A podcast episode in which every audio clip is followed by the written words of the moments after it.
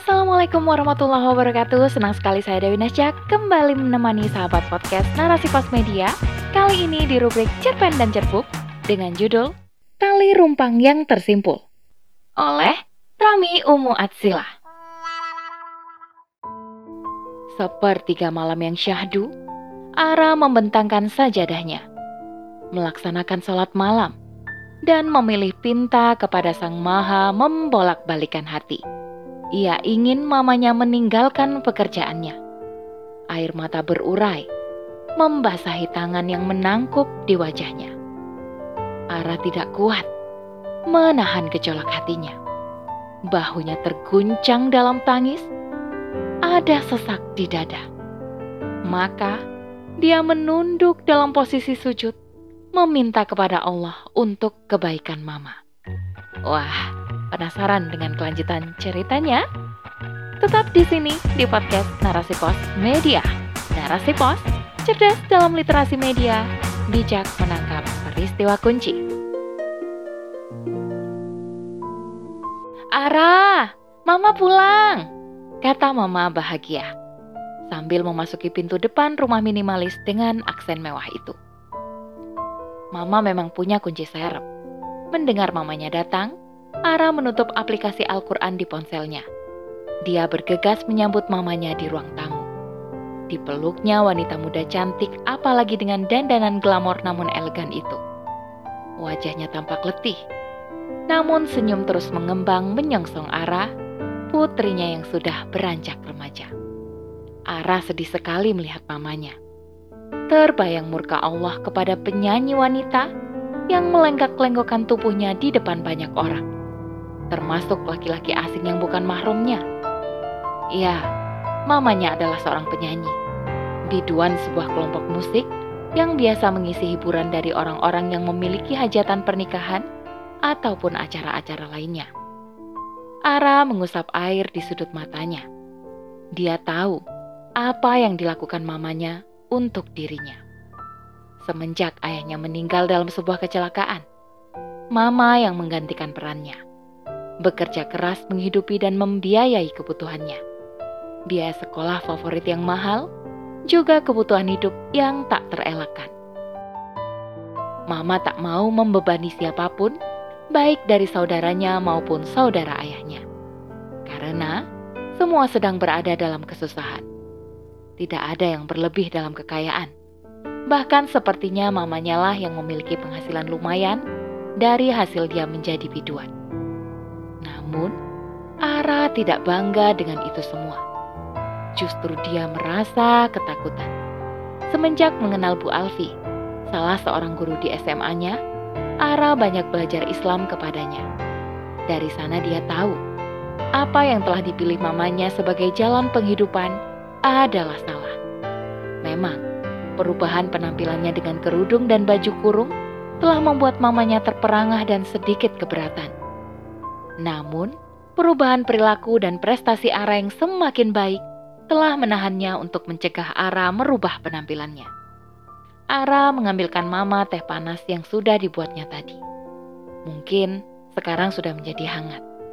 Mama duduk di sofa, seraya melepas jaket dan rok panjangnya. Ara bergidik, melihat dan membayangkan mamanya berpakaian seseksi itu dan bergoyang-goyang di panggung dengan tatapan puluhan bahkan mungkin ratusan pasang mata.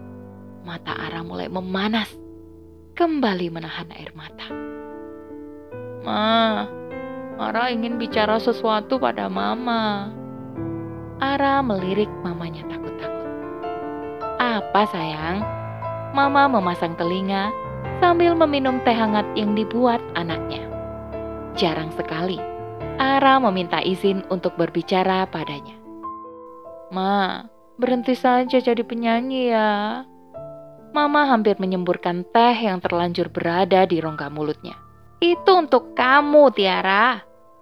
Untuk masa depan kamu. Kata Mama menatap lekat Ara. Ara memalingkan pandangan ke pangkuannya. Menunduk khawatir. Dia berusaha mencari dan menata kata-katanya supaya Mama bisa menerima dan tidak tersinggung karenanya. Kita cari jalan rezeki yang lain ya, Ma. Yang Allah ridho.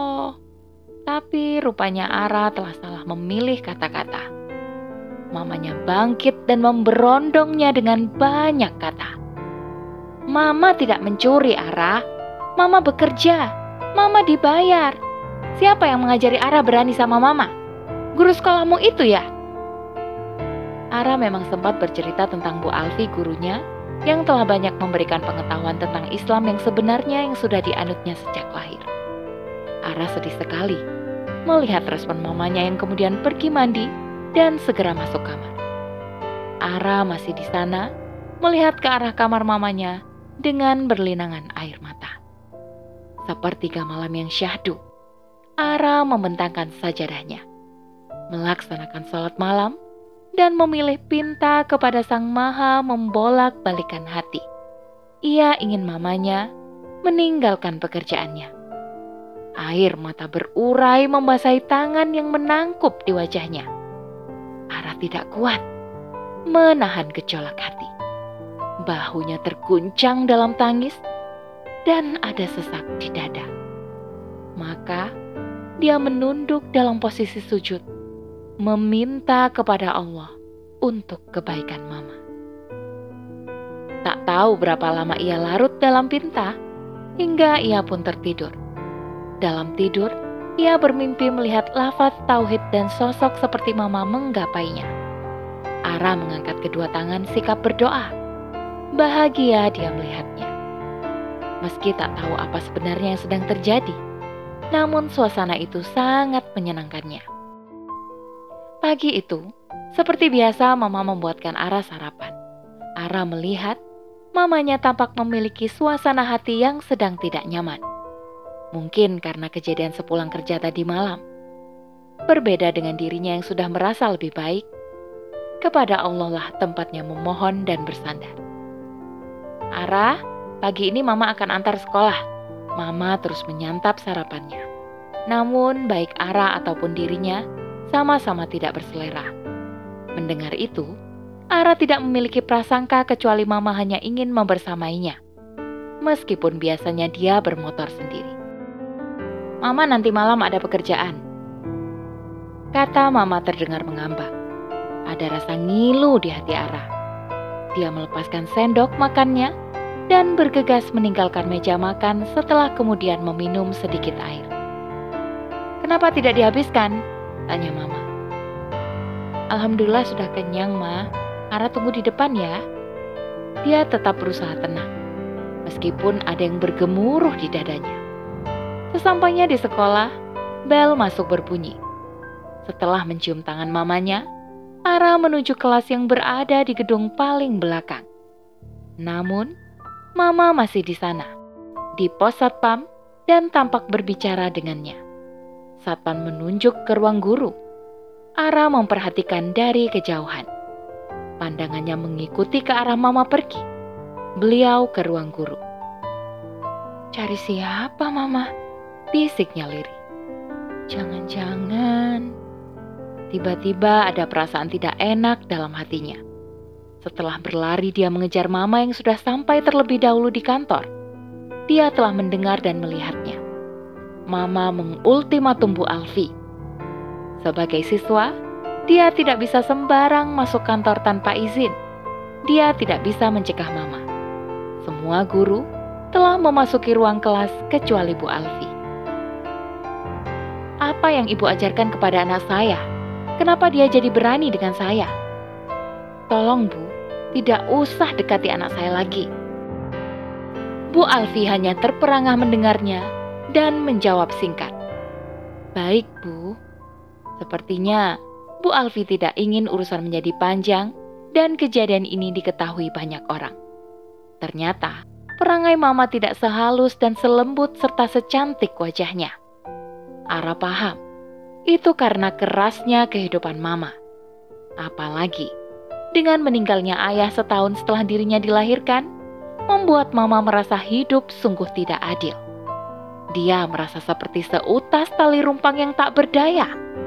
Aralah kekuatan yang membuatnya bertahan dalam kekalutan. Mama pun keluar dari kantor. segera saja Ara bersembunyi dan membiarkannya pergi. Kemudian, Ara mendatangi Bu Alfi, meraih dan mencium tangannya erat. Maafkan Mama, Bu. Mama tidak tahu. Maafkan Mama ya, Bu. Maafkan Mama. Tangis Ara meledak. Tidak apa-apa, Ara. Ibu sangat paham kondisi mamamu. Kita bersabar saja dan banyak-banyak memohon kepada Allah. Bu Alfi mengusap kepala Ara yang masih mencium tangan kanannya. Malam itu, sepulang Mama bekerja, Mama tidak lagi memanggil Ara. Dia berharap Ara sudah tertidur karena malam sudah semakin larut. Ketika pintu hendak ditutup, ada seseorang mendorongnya kasar hingga Mama mundur beberapa langkah. Seorang laki-laki telah membekap mulutnya, membuat Mama tak berkutik. Tasnya terlempar di dekat pintu. Mama mencoba meronta sekuat tenaga, namun sia-sia. Laki-laki itu terlalu kuat. Cantik, bukannya tadi kamu pakai baju seksi di panggung? Lelaki itu membuka kasar baju sweater yang dipakai Mama menutupi baju panggungnya. Mama ketakutan. Air matanya merembah. Mau berteriak, dia tidak bisa. Perlawanan Mama ternyata cukup membuat gaduh. Hingga arah yang masih belum tertidur keluar menuju suara gaduh itu. Menyaksikan apa yang terjadi di depannya. Dada arah berdebar kencang. Dia menendang lelaki itu hingga terjatuh ke samping. Lelaki itu kaget mendapat serangan tiba-tiba. Namun, seketika bangkit dan memukul muka Ara. Ara terpental ke pintu.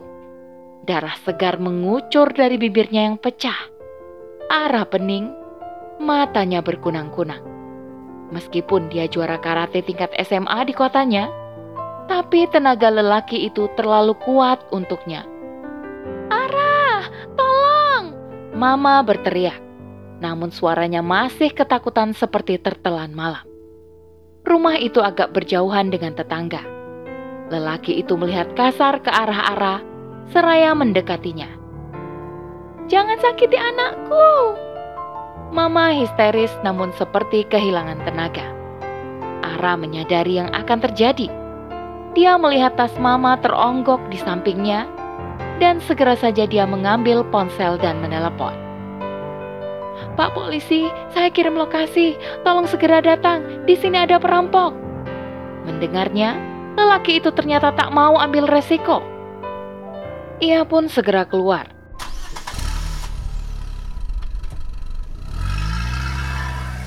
Terdengar deru suara motor 150 cc laki-laki itu menjauh.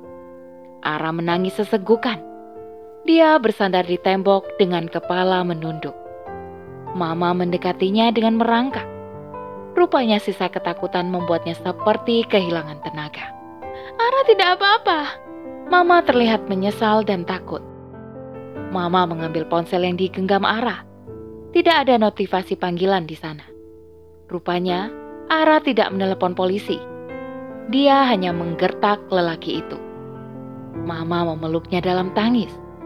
Dia menelepon teman perawatnya agar datang ke rumah untuk merawat luka Ara. Pagi itu di meja makan, Mama memegang dagu Ara. Dilihatnya luka bibir Ara yang sudah mengering. Ara hubungkan Mama dengan Bu Alfi ya. Mama ingin belajar Islam. Mama akan buka usaha baru. Kata Mama tersenyum. Mendengar itu, Ara memeluk mamanya penuh rasa bahagia. Masya Allah, tabarakallah.